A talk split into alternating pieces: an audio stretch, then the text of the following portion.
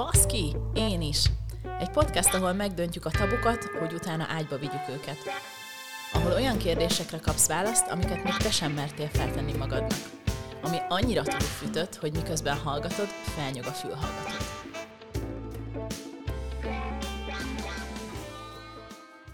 A mai epizódot a lollipop.hu támogatta.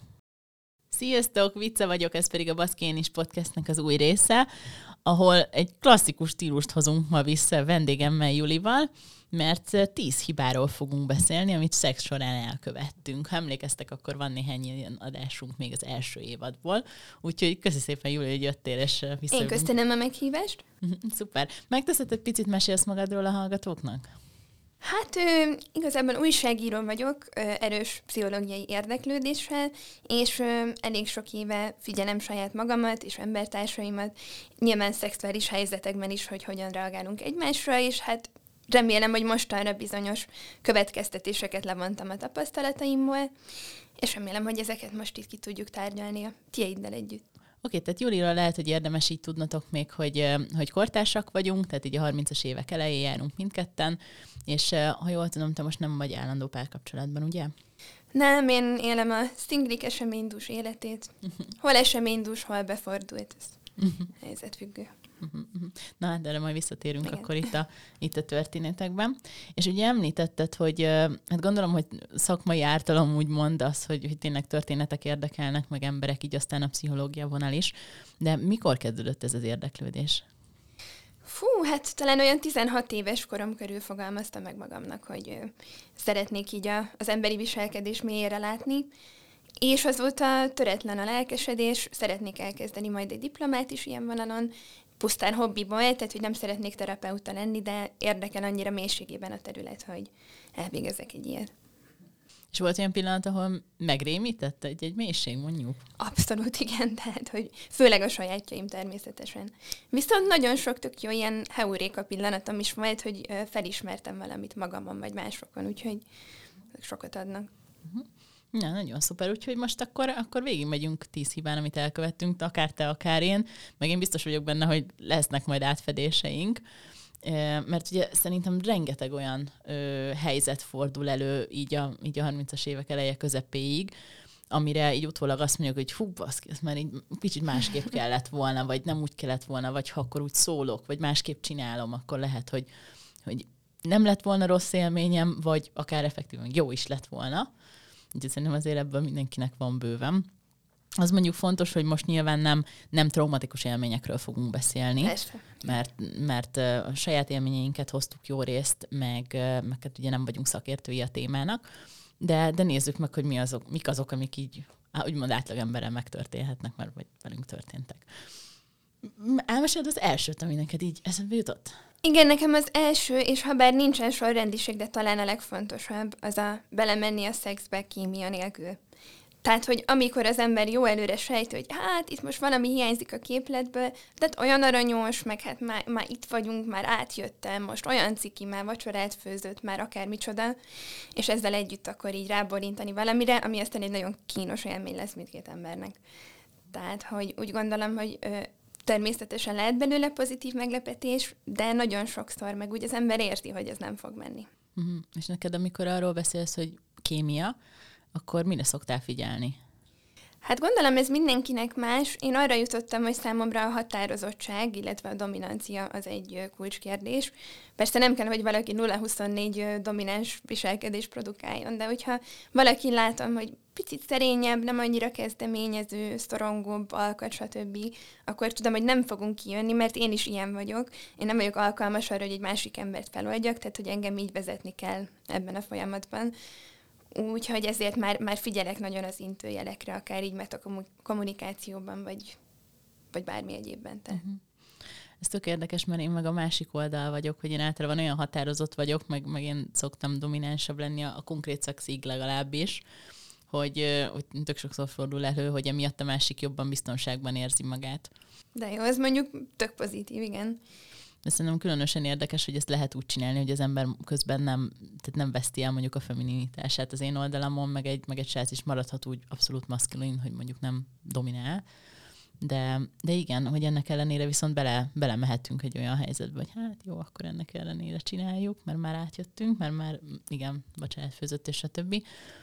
Uh, amikor előfordult veled ilyesmi, akkor, akkor ott is akkor így kb. mit éreztél? Hát ö, iszonyatos feszengés, meg, meg zavart, meg ez a szekunder szégyen, tehát hogy így tudnám megfogalmazni. Tehát, hogy amikor tök egyértelmű, hogy nem tudtok egymásra hangolódni, és ebből mindenféle bénázás, meg akár szimulálás is kerekedik, az, az számomra egy rettenetes sztori. És akkor minél inkább berekerül egy ilyen spirálba az ember, annál nehezebb belőle kijönni, én úgy tapasztalom. De azért megesett jó párszor nem tudom, hogy ha visszadobhatom ezt a labdát, hogy így számodra mit jelent a kémia, vagy te hol érzed, hol nem érzed. Uh-huh. Hú, nekem van egy olyan, olyan része, amit nem nagyon tudok megmagyarázni. Pont egyébként ma a felvételre sétálva gondolkodtam azon, hogy volt olyan kapcsolatom, ahol így utólag nem tudom megmondani, hogy, hogy miért volt ilyen nagyon durva kémia másikkal, mert, mert tényleg nem tudom honnan jött. Valószínűleg valami olyan illat, hang, bármi ilyesmi, ami kicsit megfoghatatlan. A, a másik viszont, hogy, hogy én nagyon szeretem, hogyha valaki úgy tisztában van magával, meg nagyon figyel rám.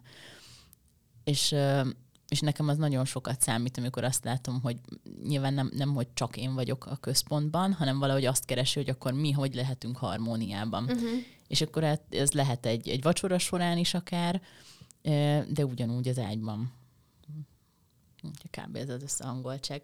Oké, okay. és Viszont, hogyha benne vagyunk mondjuk egy ilyen szituban, amit említettél, akkor mi az, ami a másikban lezajlik? Tehát lehet, hogy most ezen gondolkodom, hogy ez egy egyoldalú dolog lehet, hogy, hogy nem érzem a kémiát, és belemegyek, de másik szerint meg Szerintem, van. Szerintem ez attól függ, hogy a másik pont, amit említesz, hogy mennyire van rád hangolódva.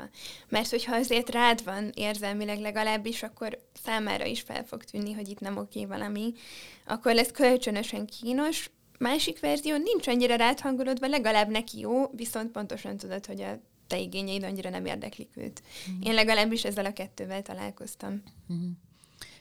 És amikor volt ilyen tapasztalatod, akkor mi lett a kimenetele mondjuk így akkor az este után? Hát igazából voltak újra próbálkozások, de egyik sem érte meg. Tehát mm ugyanazt gyúrtuk tovább, és teljesen fölöslegesen. Vagy pedig ez a nagy kínos elválás, és soha többé nem láttuk egymást, de erre is volt példa. Uh-huh. Ezek elég rossz lenyomatot hagynak az emberben, de aztán mindig jön egy jó, ami meg felülírja egy kicsit. Uh-huh. Én, én ilyenkor, ilyenkor van az, hogy nem feltétlenül tartom ördögtől valónak a, hát ezt a csendes ghostingolást mindkét oldalról. Tehát, hogy... Igen, megvan ennek a funkciója, nem csak bunkóságban lehet. Igen, igen. Úgyhogy azért ez velem előfordult, hogy hazamentem reggel, vagy még éjszaka, és akkor, akkor utána nem beszéltünk többet egymással. Számomra az is érdekes helyzet, amikor valaki rendkívüli mértékben vonz valamilyen tulajdonsága miatt, és mégsem működik a kémia. Tehát, hogy ilyen esetekben egy ilyen nagyon tiszta plátói szerelmet tudok megélni, mert tudom, hogy ha mi ketten szexelnénk, az hát úgy Isten igazából technikailag működhetne, de nem érné meg. És akkor így cserébe nagyon tudom a másiknak a lelkét szeretni. Más kérdés, hogy ebből aztán párkapcsolat soha nem lesz, meg, meg ezt legjobb barátság szintjén megtartani, de ha ez történetesen kölcsönös, akkor meg szép tud lenni egy ilyen tiszta romantikus érzelem is egymás iránt. Nem tudom, hogy neked volt-e ilyesmid? Hmm, nekem inkább olyan, olyan jut eszembe, ahol biztos voltam benne, hogy, hogy valami miatt nem akarom egy pontnál tovább vinni, de, de mondjuk nagyon tetszett a másik, vagy, vagy karaktere. Tehát, hogy szinte meg voltam győződve róla, hogy ha oda jutnánk, hogy, hogy bármi legyen köztünk fizikai síkon, az, az már nem lesz olyan. Uh-huh de, de mégis a karaktere olyan volt, aki mellett olyan nagyon, nagyon kellemes lenni, meg, meg nagyon fel tudok nézni rá, meg nagyon tudom, hogy a feleségem mondjuk miért imádja tíz éve, stb. stb. Tehát ilyen, ilyen emberek vannak is az életemben több is. És, és pont ezért ez tök jó, mert hogy soha nem, soha nem ismerült fel, hogy, hogy bármilyen érdeklődés lenne aktívan. De kell ezzel elkednek ilyenkor, hogy azért érezd, hogy egy kis vonzalom az így megvan a belőlük a te irányodba? Nem hiszem, én ilyenkor csak csodálni szeretem. Hmm. és ez, ez igazából elég, mert, mert az ki, azt hiszem, hogy az már kibillentene, hogyha ha lenne érdeklődés. Úgyhogy, úgyhogy ilyen karakterek vannak. Nekem most volt a közelmúltban egy ilyen, hogy valaki azt mondta nekem, hogy figyelj, pontosan tudjuk, hogy köztünk egy nagyon viharos sztori lehetne, nem menjünk el ebbe az irányba, hanem hagyjuk így a dolgokat, hogy most vannak. És tökre jól esett, és azért nem is nyomja különösebben a lelkemet, mert nem vagyok róla meggyőződve, hogy a szex jó lett volna az adott személlyel. A barátság viszont nagyon. Hát következőnek, most csekkolom, mert közben eszembe is jutott, hogy a szimulálást írtam le ide, öm, mert úgy gondolom, hogy senkit nem ver át vele az ember. Tehát, hogy a mhm. partnerét a legkevésbé, úgyhogy ebből megint csak nagyon ciki helyzetek tudnak kisülni, hogyha valaki képtelen azt mondani, hogy ne haragudj, ez nekem nem jó, vagy csináljuk másképp, vagy csináljunk valami egész mást. És akkor esetleg akár őszinte, akár kegyes hazugság, de bele lehet csempészni, hogy ez nekem senkivel nem szokott jó lenni, ez a konkrét dolog, és nem csak veled. Uh-huh. Aztán vagy igaz, vagy nem, vagy elhiszi, vagy nem. Vagy még jó, jó le, lehet szerintem egy ilyen kis elterelő manőver, hogy gyorsan bedobsz valami teljesen mást, és reméled, hogy ahhoz neki is van kedve, meg neked is lehet. Fú, a szimulálás egy érdekes téma, mert, mert olyan sokszor tényleg azért csinálod, hogy, hogy átlibbenj egy helyzetem, meg egyébként mondjuk jól érzed magad benne, csak az, igen, ahogy te mondtad, ez az egy konkrét dolog mondjuk. Hát csak pont a szexuális élvezet nem jön, ami miatt szexeltek. De hát imádod a másikat, meg nem akarod megbántani, meg hadd lássa már, hogy valami jót tud adni neked. De hát szerintem, amennyiben nem vagyunk Oscar Díjas színésznök, ez nem igazán szokott. Mm. Hát vagy megint oda jutunk vissza, hogy lehet, hogy a másik elhiszi, de akkor az, az lehetséges, hogy abból fogad, hogy vagy nagyon jól színészkedünk, vagy pedig a másik nem figyelt elég. Igen, mm-hmm. igen, igen, igen. igen. Szerintem férfi oldalon ez mondjuk egy kicsit nehezebb, mert ugye ott, ott elég gyorsan kézzelfogható jele van annak, hogyha valami, valami nem oké, hát, de közben meg, de közben meg a másik is igaz, hogy, hogy, hogy lehet, hogy úgy tök jól érzi magát a, a szituációban, meg egyébként minden rendben van, meg nagyon szívesen belemegy ö, bármibe, de mondjuk izgul, és ezért például nem működik az első alkalommal. Fú, igen, hát ez meg szokott történni. Vagy mondjuk azt, hogy nem tud elmenni. Hm. És akkor az ember ugye megkérdezi félve, hogy de hát nem jó, vagy nem tetszik, és így, de, de tök jó, csak akkor kiderül általában, hogy rengeteget maszturbál, nagyon erős ingerek kellenek ahhoz, hogy mondjuk el tudjon menni, és akár ez is lehet a probléma forrása néha. Érdekes, én ezt el is felejtettem, hogy nekem, nekem volt, ilyen, volt ilyen élményem tényleg, hogy valakinél így konkrét, na, tehát a konkrét szex az nem, nem tudta eljuttatni. Uh-huh. Miket rejtettem el a tudatalattimban? Fantasztikus, fantasztikus. Oké. Hú, hát mindenképpen a, a, a szimulálás az egy, az egy nagyon összetett téma szerintem, mert mert próbálunk valahogy magabiztosak maradni a másik előtt, meg, meg hát ugye úgy mondják angolul, hogy saving face, hogy a uh-huh, másiknak is valahogy így segíteni, megtartani a, a magabiztosságát, és akkor simán belemegyünk ebbe, hogy jó, de hát nem akarom megbántani ezzel, hogy nekem most nem jó, amit csinál. Fú, ez, ez, ez egy izgalmas. De valahol az is egy magabiztos felvállalás, hogy ezt mondani, hogy figyú, ez nekem annyira nem. De nem vedd magadra, mert hogy nekem ez máskor sem, vagy akármi. uh-huh. csináljuk mást. És ilyenkor mit gondolsz, hogy a másikban mi, mik a szenáriók, ami lezajlik, hogy együtt vagyunk, és akkor a másik elmondja, hogy figyelj, ez tökre nem jó. Akkor mire gondolhat a másik? Hát, na ez az, hogy ezt a helyén kezelni, nem tudom, nagyon nehéz nyilván másik embert kitenni annak, hogy ennyire kiszolgáltatott helyzetbe kerüljön hogy ő próbál neked valami jót nyújtani, és nem sikerül. Ezért szerintem nagyon be kell ezt csomagolni, meg úgy találni, hogy tényleg nem sértve a másikat. És szerintem ezen szokott elvérezni a történet, mert azért a nekem nem jó, mégis egy nagyon erős közlés. Mm-hmm. Tehát, hogy... Én mindig megpróbálok egyébként egy olyan, nem mindenkinél működik, de valahogy megpróbálom úgy kommunikálni, hogy öm, ne rólam szóljon, vagy róla szóljon, hanem így próbáljuk már meg kettőnk közé tenni a, a helyzetet, uh-huh, vagy a mhm. problémát, uh-huh. vagy amiről beszélünk, és akkor ketten együtt ránézni, hogy mit lehetne kezdeni vele.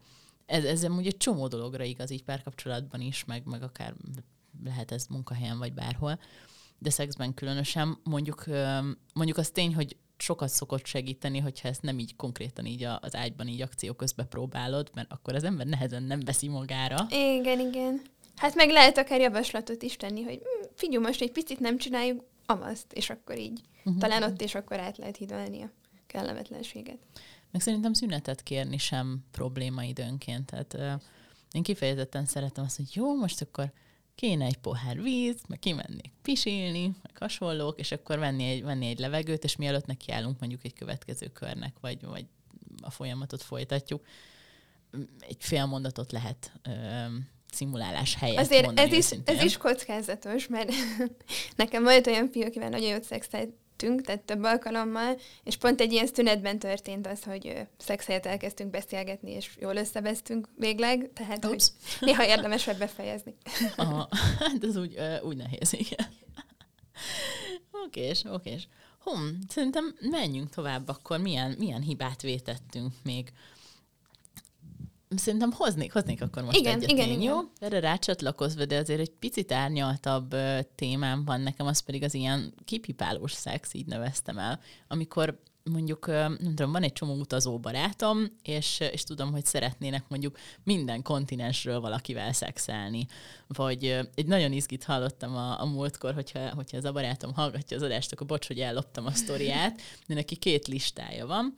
Az egyik az országok, ahol szexelt, és nemzetiségek, akikkel szexelt. Ó, és, igen. Uh, igyekszik... Utóbbi nekem is. igen, ez a jellemző, és, és igyekszik a listákat egyébként tegálban tartani, ez nekem nagyon hmm. tetszett. Hmm. Nekem is van ilyen listám, én, én szeretnék a, a párommal száz országban szexelni, na most így jött az egyik hát kellemetlen történetünk, mert mi Monakóban is nagyon szerettünk volna, ezért, ezért hajlandóak lettünk volna egy nagyobb összeget áldozni ott egy hotelre. Aztán megnéztük, hogy mennyibe kerül ott egy hotelszoba, és aztán úgy döntöttünk, hogy jó lesz nekünk egy, egy nyilvános WC. Nem. Nem jó. Nyár közepén Monakóban a nyilvános WC nem jó.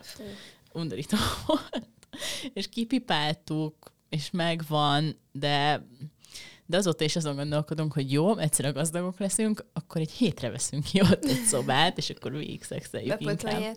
Igen, tehát valahogy felül kell írni ezt az élményt, mert, uh, mert ez nem nagyon sikerült.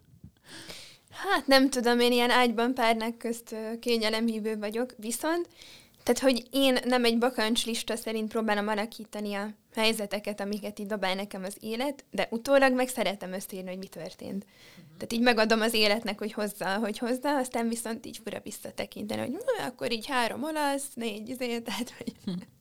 az így 30 fölött már. Igen, amúgy ilyen listám nekem is van, bár én mondjuk nem nemzetiségekre, hanem, hanem így karakterekre szoktam. Igen, ami elég szubjektív egyébként. De mondjuk milyen karakter, mondasz egy példát? Fú, hát én például szerettem volna nagyon néhányszor egy-egy ilyen, ilyen utazó karaktert, mondjuk akik, akik sokat utaznak, sokat láttak, valószínűleg uh-huh. nagy tapasztalatuk van ugye itt szexuális téren is, meg egyébként is olyan, olyan nyíltak, és akkor ebből, ebből volt néhány ilyen karakter. Örültem volna annak idején, hogyha van valaki, aki tudod, ilyen nagyon nagyon spontán jön. Mm-hmm. Olyan, az például egy specifikusan nem volt egy jó élmény, volt egy, egy túra vezető Törökországban. Ja, ne szexéltek olyannal, akivel nem, tud, nem tudtok egy nyelvet beszélni, szerintem. Mert nem, Nemféle kommunikációs nem, korlátok merülnek. Kicsit nehéz. Ha berúg mellé, akkor még rosszabb. Úgyhogy ezért, ezért ilyenek voltak. Um, nem, egyáltalán nem kipipálós szexhez tartozik, de egy, de egy érdekes tapasztalás volt, hogy volt kerekes székes partnerem, ami, amiből ugye vele való kapcsolatom marha sokat tanultam. Volt nagyon domináns és nagyon visszahúzódó is. Tehát ezek ugyanúgy, hogy te mondtad, hogy nem tudatosan kerestem ezeket a kapcsolódásokat, de, de utólag belegondolva tudom, hogy nagyon sokat tanultam abból, hogy, hogy nem, egy, nem egy kaptafára mentek az emberek, akikkel, akikkel összehozott a sors. És neked hogy szokott a legtöbb helyzet jönni, hogy mondjuk azért társkeresőzöl, vagy élőben így mm, megkörnyékezitek egymást? Hát is, is. Most is, a, is. El, el, eltonyultam a Tinder miatt, úgyhogy ott a videóban én, én szeretem a Tindert, de ott is inkább a karaktereket keresem, akik érdekesek. Mm, van egy ilyen, van egy ilyen nagyon érdekes hozzáállásom, hogy hogy engem annyira nem zavar, hogyha visszautasítanak, mert, mert valahogy le tudom választani a lényemről. Tehát hmm. ha valaki tetszik, én, én el, viszonylag gyorsan le tudom választani azt, hogy jó, neki én most nem, de ez nem azt jelenti, hogy én ettől kevésbé vagyok szép vagy jó, vagy, vagy érdekes, hanem most pont kettőnk között nem. De, de ez azért, azért sok időbe telt. Úgyhogy Úgyhogy én így élőben is komfortos vagyok ezzel, mert hogyha azt látom, hogy negatív a visszajelzés, vagy kösz nem, akkor semmi gondom, megyünk tovább, vagy iszunk még egyet, és akkor ennyi volt. Tök vicces, én azt vettem észre, hogy minél hosszabb egy randi, annál jobb esélye nem lesz második. Tehát olyan, mint hogyha bizonyos fiúk kompenzálni próbálnának, hogy hát elbeszélünk egymás mellett, de legalább legyen egy jó esténk, úgyhogy ha, ha egy ilyen 4-5-6 órás randi van valakivel, akkor már úgy várom a gosztolást szinte. Nem, nem igaz ez kivétel nélkül, de... 4-5-6 órás, úgyhogy abban már szex is van, vagy nincs? Nem, nem, abban jellemzően nincs. Aha. Nem nagyon vagyok ilyen első, volt rá példa, de hogy nem jellemző. Uh-huh, uh-huh, uh-huh. És akkor nem próbáltok ö, kihátrálni a randiból, hanem inkább akkor végigvitték? Abszolút végigvitték. Én azt mondom, hogy ez egy, ez egy pozitív élmény ilyen szempontból, tehát... Uh-huh, uh-huh. Hú, izgi. Hát szerintem akkor, akkor menjünk ö, esetleg tovább a következőre bármi, ami, ami randis téma még akár. Tehát ebből jön a következő pont, ami ennek az ellentéte, hogy felindulásra kapcsolatot alapozni.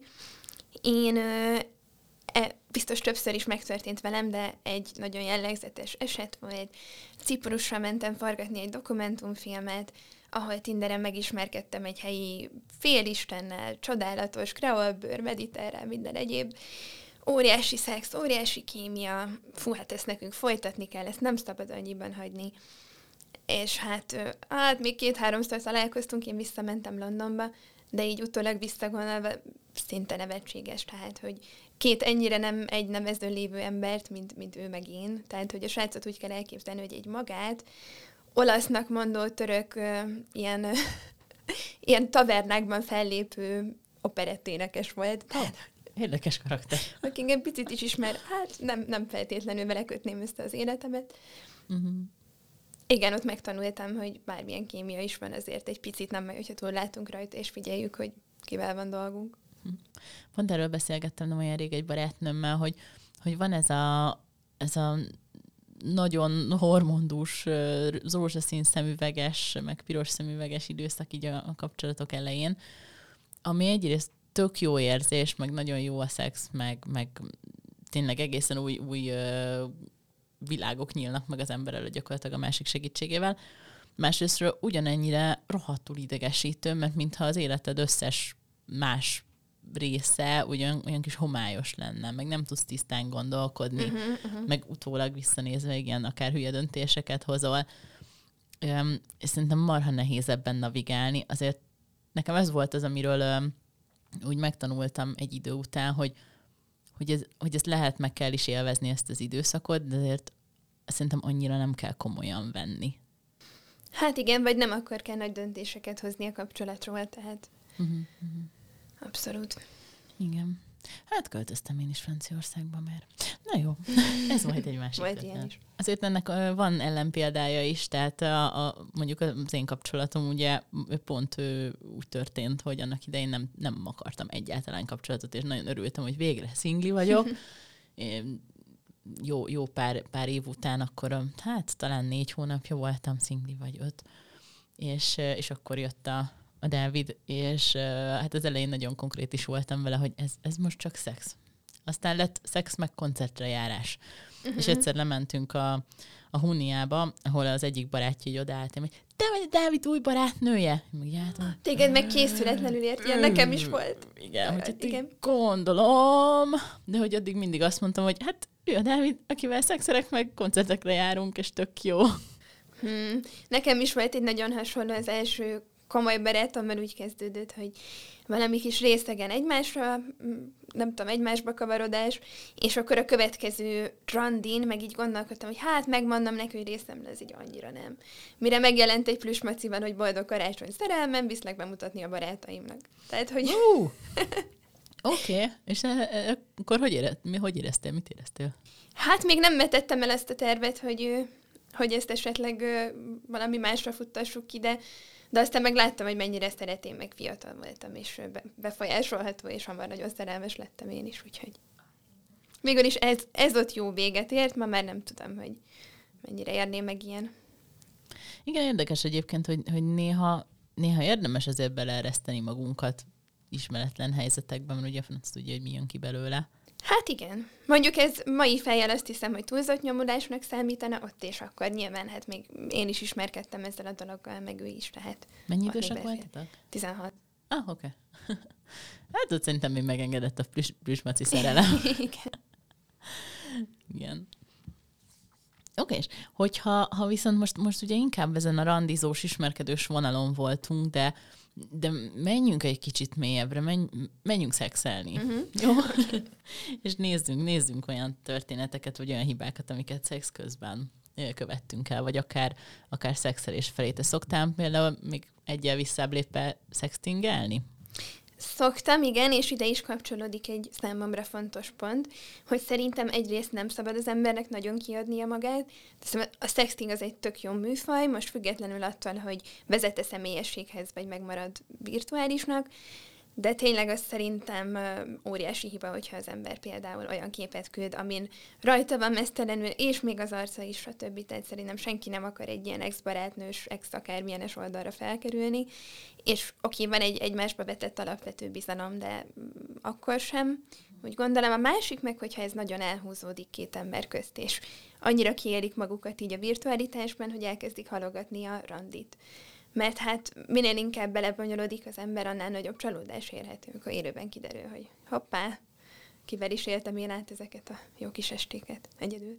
Hát meg talán az is, hogy, hogy szerintem a sexting az erősen a, a fantáziákhoz kapcsolódik nekem, tehát ez egy fejben zajló dolog, és arról már sokat beszélgettünk itt a podcastben, hogy attól még, hogy valamit izginek tartok, meg egyébként tényleg fe, felizgat, meg, meg fel tud el arról beszélgetni, vagy azon gondolkodni, attól még az nem jelenti azt, hogy én meg akarom valósítani. Tehát lehet, hogy tényleg hónapokig csetelek arról, hogy fú, majd én ugye paskollak, mindent csinálok, aztán amikor ott vagyok, nem lehetne mégiscsak úgy. Igen, nekem is volt pont ilyen, hogy már azért nem mertem egy fiúval találkozni, mondom, úristen, akkor most ezt a, nem tudom, tíz pontot mind meg kell valósítani, és látszik, hogy ő egyestől akarja mindet, és mondom, hát én ettől félek. Aztán kiderült, hogy a valóságban ő is két-három olyan dolog volt, ami, amihez ragaszkodott, úgyhogy... Aha, aha, aha. és volt egyébként olyan történet, ahol ahol uh, valamihez nagyon ragaszkodott a másik, valami akár számodra extrémnek mondott dologhoz? Ö, igen, hát ez, ezzel talán már áttérünk a fétisek világába, hogy hogyan érdemes kezelni, hogyha másiknak van valamilyen fura fétise, de számomra nagyon jellemző példa volt az, amikor egy ismerős srác rám írt, hogy nem érdekelnek -e esetleg ilyen női önvédelmi tréningszerű dolgok. Mondtam, hogy hát köszönöm, biztos hasznos, de akkor végül is nem ennek kapcsán, de újra összefutottunk, összekavartunk, majd egyszer csak a hevület közepén azt mondja nekem, hogy rog már tökön. Én meg így elkezdtem hmm. mérlegelni, hogy hát most ez nekem belefér, vagy nem fér bele. Tehát nem volt bennem egy ilyen ösztönös ellenkezés, hogy én ezt nem csinálom, mert hülyeség, vagy bármi, mert hát engem érdekeltek az ő igényei ebben a helyzetben. De hogy hmm. fel kellett magamnak tenni a kérdést, hogy na most ő valószínűleg örül, hogyha tökörrugom, nekem viszont fájni fog, mert én nem szeretnek más embert bántani, úgyhogy hmm. ebből hát nem valósult meg, amit szeretett volna. A fétisre rákapcsolódva egyébként van egy, van egy hasonló sztorim, ahol, uh, ahol az aktuális partnerem uh, gyakorlatilag switch a BDSM-ben, ami azt jelenti ugye, hogy úgy is jól érzi magát, hogyha ha ő dominál, meg azt is szereti, amikor ő van ledominálva a másik által. És én viszont csak az első szituációban érzem jól magamat, tehát én azt szeretem, hogyha ha a partnerem domináns, és én lehetek szubmisszív, de hát ebben a szituációban nyilván azért a kíváncsiság is hajtott, meg, meg úgy voltam vele, hogy hát hogyha ezt ennyire szeretné, meg szereti azt az oldalt is, akkor, akkor miért is ne próbálnánk ki. És ott marha érdekes eredménye lett, mert, mert hogy kiderült, hogy én tehát alapvetően ezt meg tudom tanulni, meg tudom csinálni, meg tudok vele örömet okozni, viszont semmi más örömet nem okoz nekem azon kívül, mint hogy látom, hogy a másik amúgy boldog. Erre én is fel tudok csatlakozni, hogy nekem meg ilyen volt az élményem lányokkal, hogy nagyon kíváncsi voltam, megvonzott a, a téma, és aztán egy ö, teljesen el, elfajult ö, lánybúcsún jött össze, és nekik tök jó volt. Számomra meg egy óriási csalódás, de nagyon megdicsértek, hogy fú, Júli, hát te azért, mondom, köszönöm szépen, én már nem tudtam, mire gondoljak közben, az ABC-t elmondtam fejben oda-vissza, mert annyira nem.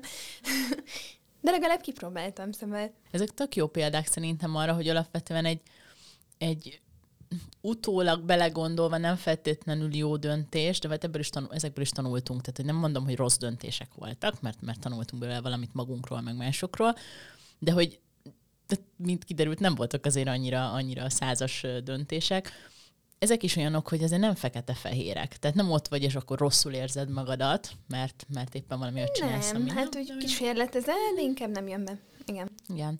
Szerintem az tök fontos, hogy ilyenkor az ember levonja a tanulságot, hogy jó, most ez történt, így éreztem magam, és akkor legközelebb mit fogok csinálni, meg hogy megyek majd tovább, meg hogyha belekerülök egy hasonló szituációba akár, akkor mit fogok csinálni. Tehát mondjuk az én esetemnél tök fontos volt, hogy erről ágyon kívül fontos volt beszélni, hogy uh-huh. az van, hogy, hogy nem én leszek a partnered ebben. Tehát, hogy imádok szexelni veled, ez csodálatos minden, de és így nem megy, mert nem okoz örömet. Úgyhogy, ja, érdekes. Igen, ez szerintem ez egy picit összefügg azzal, amikor tehát, hogyha mondjuk ö, belemész egy ilyenbe úgyhogy nem okoz örömet, azzal már egy picit alárendelődsz, ami persze lehet egy döntés, meg tök oké, csak hogy mondjuk legyél azzal tisztában, hogy mik a saját igényeid, és ide kapcsolódik számomra az, amikor akár egészségügyi problémáid is fellépnek amiatt, hogy, hogy mi történik veled szex közben.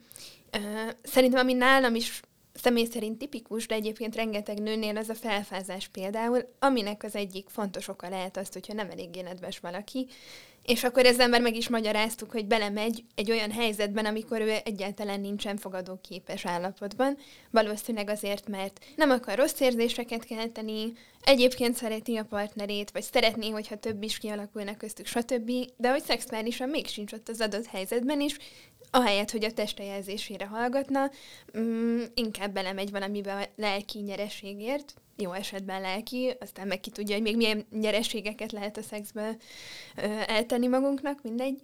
De hogy számomra tényleg ez, hogy a, a testünkre és az egészségünkre való odafigyelés, az egy nagyon kulcskérdés lett így az évek során. Igen, szerintem marha sokat kell azzal foglalkozni, hogy az ember megismerje magát, meg hogy hogy működik és néha annyira az alapokhoz kell visszamenni, akár, akár egy ilyen podcastet hallgatva, de, de tényleg olyan alapokhoz kell visszamenni, hogy egyáltalán hogy működünk, meg hogy vagyunk felépülve, meg papírforma szerint mondjuk, hogy van felépülve akár egy női vagy egy férfi test, de közben ehhez képes mondjuk a miénk milyen. Mert hogy ugye azért ezt tudjuk, hogy nem mindenki pont ugyanúgy néz ki az tényleg mindennek a kulcsa az önismeret. Ez, ez nagyon mókás, mert ebben a podcastben van egy ilyen ivós játékunk, hogy a hallgatók akkor így ha hallják itt, hogy önismeret, úgyhogy most... Úgyhogy akkor most ér így, lenyomni így. egy feles. Úgyhogy abszolút nekem ez tök érdekes volt, és szerintem említettem is néhány adásban, hogy már a 20-as éveim második felében voltam, amikor rájöttem, hogy rengetegféle fertőzéstől megkímélem magam, hogy szex után elmegyek pisilni. És annyira banális dolog, de, de annyi, hogy hát igen, vége van, meg ölelkezünk, meg figyelünk egymásra, meg fáradt is vagyok, de utána átkapcsol az agyam abba, hogy jó, de most hogy kell vigyázni magamra, hogy rendben legyen. És hogyha lenne normális szexuális edukáció, mint ahogy nem igazán van sajnos jelenleg, akkor ez mondjuk egy alapkérdés lenne, és lehetne ilyenekről beszélni, és nem tabusítani. Hát meg alapvetően, hogy a, hogy a nőgyógyászati vizsgálatok mondjuk nem csak arról szólnak, hogy az ember felfekszik, megnézik, hogy mi van benne, és hogyha úgy látja, hogy minden oké, akkor mehetek is minél gyorsabban haza, hanem az egy lehetőség arra, hogy beszélgess az orvossal, hogy kérdezzél tőle, hogy nem baj, hogyha neked mondjuk a tanulási formád nem az, hogy könyveket olvasol, uh-huh. hanem hogy beszélgetsz. Én például abszolút ilyen vagyok. Magánnőgyógyászati eljárásra járok, mert hogy ott a szegény orvosnak kicsit több ideje van. Ráér beszélgetni, igen. Hát ráér az erős, de, de fizettek érte, és akkor, igen. akkor, akkor Hajlamosabb ráérni. Igen. Úgyhogy, úgyhogy én például abszolút kihasználom ezeket a helyzeteket arra, hogy, hogy igen, lehet, hogy hülye kérdés, lehet, hogy alapkérdés, de, de felteszem őket a szakembernek. Illetve azért van egy olyan dolog, nem szeretnék a nemek közt feltétlenül különbséget tenni, de mégis úgy veszem észre, hogy nőként sérülékenyebbek vagyunk ezek iránt. Tehát, hogy most az egészségügyi problémák iránt, amik a szexből fakadnak. Tehát nagyon sokszor nem is az van, hogy a partnerünk nem érzékeny erre, hanem ugye mivel neki magának nincs ezzel tapasztalata, így mondjuk felkészületlen, tehát hogy nekünk kell saját magunkra vigyázni minden mm. helyzetben. Igen, és szerintem tök érdekes, hogy hogy nehéz ezekről beszélni is akár, mert, mert rögtön az ember összekapcsolja mondjuk azt, hogy jó, fel, felfázásra vagy feltűzésre hajlamosabb vagyok, vagy, vagy akár azt, hogy most van valami olyan helyzetem, ami miatt én nagyon szívesen adok neked mondjuk orális szexet, de ez nem az a pillanat, amikor te adj nekem. És ezekről így nehéz beszélni, mert közben nem akarod magadat így hát ilyen undinak érezni, vagy betegnek, vagy nem akarod, hogy a másik ezt érezze rólad. Amúgy ö, szerintem erre van ellenpélda is, tehát majd olyan barátnőm, aki így, hát így csodálkozott, hogy egy srác nem jelentkezik nála, miután a, tehát ő szex közben között, hogy fel van fázva, tök korrekt, majd az orális szexre között, hogy hát ők azért nincsenek olyanban, és akkor így, tehát hogy is mondjam, közben úgy gondolom, hogy vannak olyan helyzetek, hogy valamit csak kell tenni a másikért, tehát azt, hogy ő csak ő tegyen meg nekem dolgokat, az sem teljesen korrekt felállás. Ja, abszolút, abszolút. És hát szerintem akkor menjünk is ez, ezen a vonalon tovább, hogy, hogy volt-e olyan hiba, ahol, ahol mondjuk csak te tettél meg uh, valakinek valamit. Ö, nagyon fontos az is, hogy még ha meg is van a kémia két ember között, hogy lelkileg is rá legyél már annyira hangolódva a másikra, hogy készen állj rá. Tehát nekem volt olyan randim, ahol egyértelműen meg volt, egy nagyon szép török fiú volt egyébként, és és elkezdett erőszakoskodni, hogy hát, hát ő nem hiszi el, hogy én ezt ma este nem akarom, és én nem érzem ezt az óriási kémiát, és stb. És a végén így igazából átgázolt a határaimon, vagy hogy én hagytam őt átgázolni, de megtörtént a szex, és rettenetesen rossz érzéseket váltott ez ki belőlem. Tehát ő még várta volna, hogy nem tudom, még találkozzunk, vagy még legyen valami, és látta, hogy olyan hideg gyűlölettel nézek rá, hogy így majdnem kidobom a lakásból, tehát, hogy azzal, hogy én nem adtam meg azt az időt, ami ahhoz kellett nekem, hogy így szépen lassan közeledjünk egymáshoz, és akkor relatív, hogy mi ez az idő, mert lehet, hogy valakivel két perc, lehet, hogy valakivel két randi, stb., de hogy erre tök fontos érzékenynek maradni szerintem a másiknál is, meg hát magunkat képviselni ebben. Hát igen, és szerintem ilyenkor a, a düh érzése, amit említettél, az, az két irányú, mert az egyik, hogy a másikra haragszunk, mert mert, mert nem volt türelmes, mert nem figyelt ránk, stb. A másik pedig, hogy magunkra elkezdünk haragudni, hogy hogy nem tudtam határt szabni, miért Pontosan. nem tudtam kimondani, miért nem tudtam valamit másképp, hogy ezt megelőzzük. És akkor már azért se tud folytatódni az egész, mert valaki olyannal nem tud többet együtt lenni, aki ezt az érzést váltja ki belőled. Pontosan, igen. Uh-huh. Visszakötnék viszont még egyszer a fétises témára, mert eszembe jutott valami. Mi van akkor, hogyha nekünk van valamilyen fétisünk, és nagyon szeretnénk a másikkal megélni? Ezt így érdemes felhozni. Volt már, hogy felhoztad, de hiba volt? Hát ez egy kényes kérdés nyilván, tehát hogy úgy gondolom, hogy mindegy, hogy egy alkalmi partner vagy egy párkapcsolat mindenképpen kényes, vagy kiszolgáltatottá teszi az embert. Persze ez nagyban függ attól, hogy mi az adott fét is, tehát hogy egy kedves barátom mondása szerint, hogy az a perverz, amit a másik már nem élvez, oké, okay, de akkor mondjuk mi az, amit nem élvez? Tehát, hogy jobb eséllyel élvez valami olyat, ami azért az örömadásról szól, és mondjuk talán nem egy ö, szadista, vagy mazoista, vagy egyéb ö, nem is tudom, perverziónk, de ezzel, ezzel együtt, meg hogyha ez hosszú távon fontos nekünk, akkor ezt is tudni kell kommunikálni szerintem. Csak kérdés, hogy akkor mondjuk milyen körülmények közt, és erre én sem biztos, hogy tudom a választ. Uh-huh. Nekem egy tök jót mondott egyszer egy, egy barátom, mert arról beszélgettünk, hogy, hogy ez a pisilős fétisről uh-huh. volt szó, hogy bele lehet-e húzni ebbe valakit, rá lehet-e venni valaki olyat, aki eredetileg úgy indul, hogy így utálja, meg hogy egyáltalán nem. És végül arra jutottunk, hogy ez is olyan, mint egy csomó minden más, hogyha egyébként van egy bizalmi légkör a másikkal, és szépen lassan kezded, hogy nem rögtön azt kéred, hogy légy szíves az ágyba az arcodra hadd pisiljek rá most, nem állítom, hogy ilyet nem kértek már tőlem, um, hanem, hanem mondjuk egy együtt zuhanyozáskor megkérdezett, hogy mondjuk probléma ha csak úgy a lábfejére vagy uh-huh, valami hasonló, uh-huh. és akkor, akkor szépen lassan. És ebből már le lehet szűrni abból a reakcióból, hogy érdemes esetleg tovább menni. Abszolút. Úgyhogy szerintem ez, én, én biztos, hogy ezt csinálnám, mert hát egyébként ez a, ez a gyakorlatom, hogy, hogy én első alkalommal nem feltétlenül hoznék fel olyan dolgokat, amik tudom, hogy esetleg egy kicsit extrémebbek az Nem, vagy nek- nekünk például, egy korábbi partneremmel az működött, hogy sexting során úgy szépen lassan megismertünk mindent egymásról. Aztán egy fura pillanat volt egymás szemébe nézni élőben, de nagyon megérte. Tehát, uh-huh. mert ez ott jól meg lett alapozva. Igen, ez tök érdekes, hogy a, hogy a sexting elmehet abba az irányba, és mint még az adás elején beszéltünk, hogy így túlbeszéljük a fantáziákat, igen, igen, de igen. meg is alapozhat egy meg meg bizalmat. is alapozhatja, igen. Uh-huh, uh-huh. Hallottam.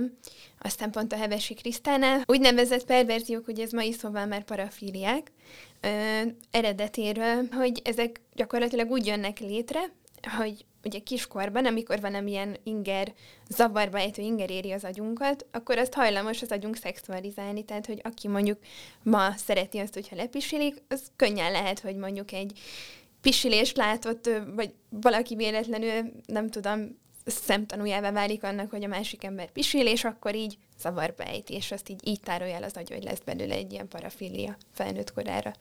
Ez csak szerintem nem nagyon lehet vele mit kezdeni, de érdekes vagy jól tudni. Amúgy ez izgalmas szerintem, hogy, hogy gondolkodunk azon, hogy honnan jönnek bizonyos érdeklődéseink.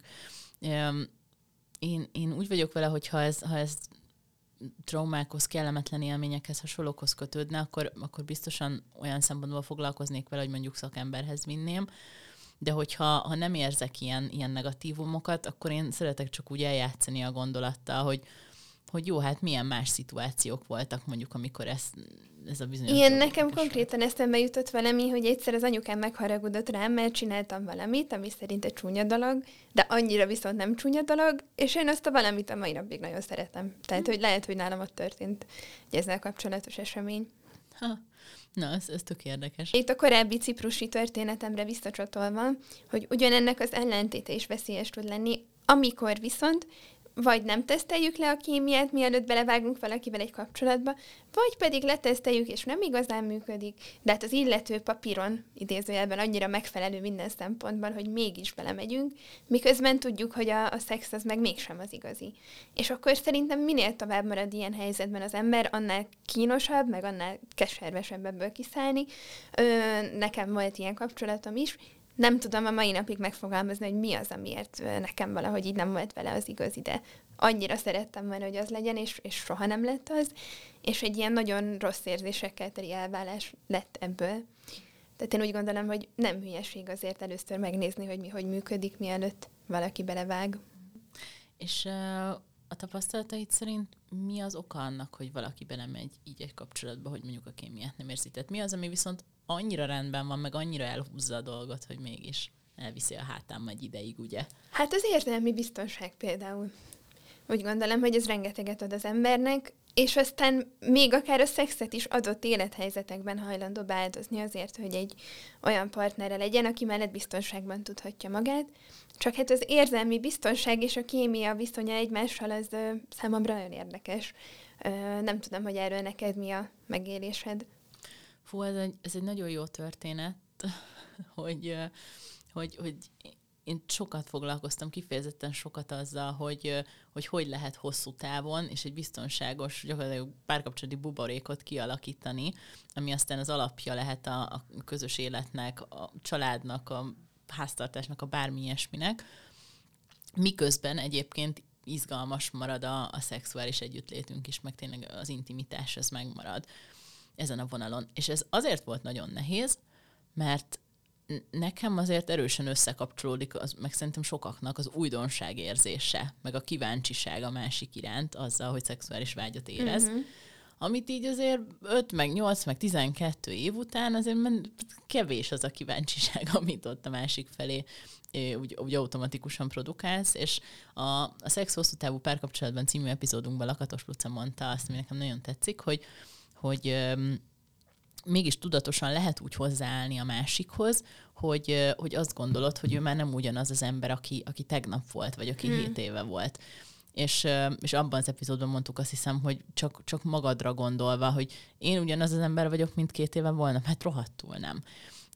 És akkor akkor ugye fel tudod kelteni magadban a kíváncsiságot a másik iránt, miközben egyébként érzed az érzelmi biztonságot, meg az az ember ott van már melletted, meg, meg biztonságban tart x éve vagy most mindegy bármennyi ideje is, de ezt érzed, és közben meg mégis lehetsz kíváncsi, hogy ő e közben hogy változik, vagy akár a hatásodra hogy változik, vagy a kettőtök közös élete alapján hogy változik.